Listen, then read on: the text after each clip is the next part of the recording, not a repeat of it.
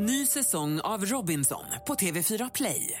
Hetta, storm, hunger. Det har hela tiden varit en kamp. Nu är det blod och tårar. Fan händer just nu. Det. är Detta är inte okej. Robinson 2024, nu fucking kör vi! Streama söndag på TV4 Play. Får vi be eh, Oskar och Martin ta plats här vid eh, våra mikrofoner Sandholt.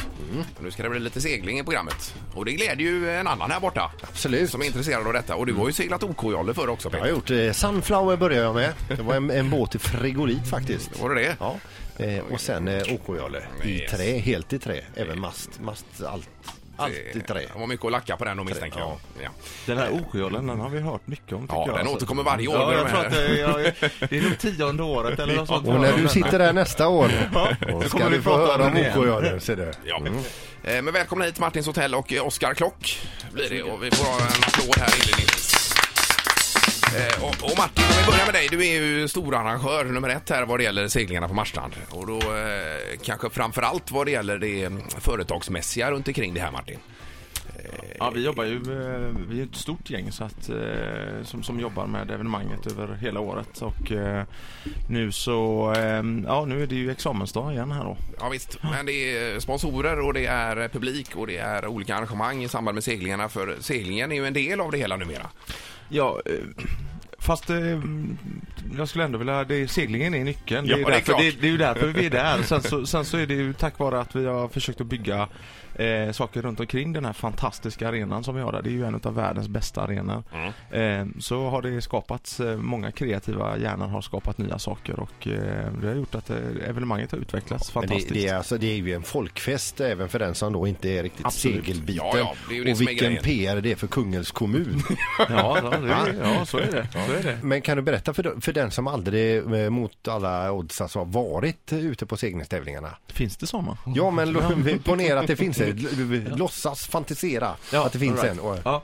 Nej men eh, eh, Marstrand är ju för det första fantastiskt exotiskt. Vi har ju en hel del tv-team och sånt som kommer hit. De säger det att eh, eh, en sandstrand med palmer det finns ju i varenda värld, eh, liksom varenda världsdel. Ja. Det finns överallt men det, det som finns ute på Marstrand det finns bara där i hela världen. Och Det är väl ju- det enda vi saknar, det är en sandstrand med palmer. Ja, fast det, det gör vi inte uppe på Marstrand. Vi har, vi har eh, solvarma klippor och vi har den här underbara eh, kajpromenaden och på den så, så har vi massvis med roliga utställningar från olika sponsorer som försöker att hitta eh, roliga saker att aktivera folk. Så, och det, de, de har ju sina olika målgrupper och de målgrupperna är ju alla i samhället så att det spelar ingen roll. Vi har ett stort, eh, stort eh, familjeområde där eh, man kan pröva på segling och eh, man kan göra roliga saker och det är tävlingar och det är aktiviteter och det är man kan få sig en korv och man kan... eh, Till och med det ja. Jajamän.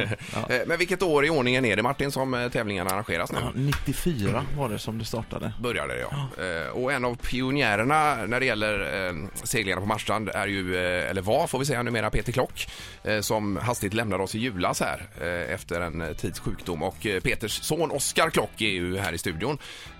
Berätta bara kortfattat här Oskar vad det var som hände Peter. Ja, um, det började väl uh, i som, förra sommaren 2012 uh, eh, så fick han diagnosen att han hade en uh, hjärntumör. Och det har ju varit en resa hela vägen där men eh, ehm, ungefär ett eh, halvår senare i december 2012 så eh, avled han. Och ehm, allt efter det så har vi format en minnesfond som eh, ska eh, fungera som en förlängning av hans eh, engagemang när det, eh, när det kommer till uh, unga idrottsutövares utveckling. Pe- Pe- Peter var ju alltså en jättestor del av eh, hela det arrangemanget. Ja, och för, se- för seglingen eh, i stort i Göteborg och i Sverige också för den delen. Och som VD för GKSS gjorde han ju en jätteinsats där. Och hur gammal blev Peter, Oskar? 52. Eh, ja, det är ofattbart det hela. Men, men tanken är att det är inte bara segling här utan det är idrotts, eh, idrottsprestationer i det stora hela som är fokus på i minnesfonden. Exakt, det finns en, eh, vi har delat upp den i två delar. Den primära delen handlar om eh, segling. Eh, ungdomar mellan 15 och 19 år eh, i Västsverige till att börja med. Eh, men eftersom segling inte var den enda sporten eh, Peter höll på med utan det var ju väldigt massa. Så har vi gjort en del eh, eh, som är till exempel för skateboard eller längdskidåkning, hockey, you name it. Det, ehm, det finns möjlighet att eh, dela med oss av de här stipendierna till eh, olika idrotter. Just det.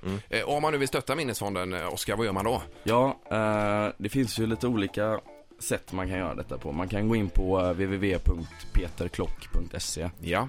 Klock, K-L-O-C-K. Eh, man kan även nu, som vi har öppnat, en sms-funktion.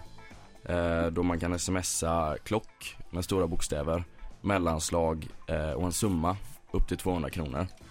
Till eh, 724 56. Just det. Vi kan väl lägga upp det på Facebook sen där också. Ja, det Peter, gör vi så att det eh, inte blir för mycket att hålla reda på. Nej, precis. För redan, min hjärna är ju full sedan länge, länge, länge. Eh, precis, men fantastiskt eh, och tack så hemskt mycket Oskar för att du eh, tog dig tid att komma hit och berätta om detta.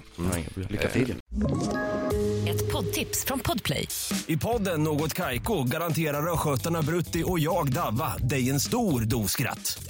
Där följer jag pladask för köttätandet igen. Man är lite som en jävla vampyr. Man har fått lite blodsmak och då måste man ha mer. Udda spaningar, fängslande anekdoter och en och annan arg rant. Jag måste ha mitt kaffe på morgonen för annars är jag ingen trevlig människa. Då är du ingen trevlig människa, punkt. Något Kaiko, hör du på Podplay. Därför är gardinerna.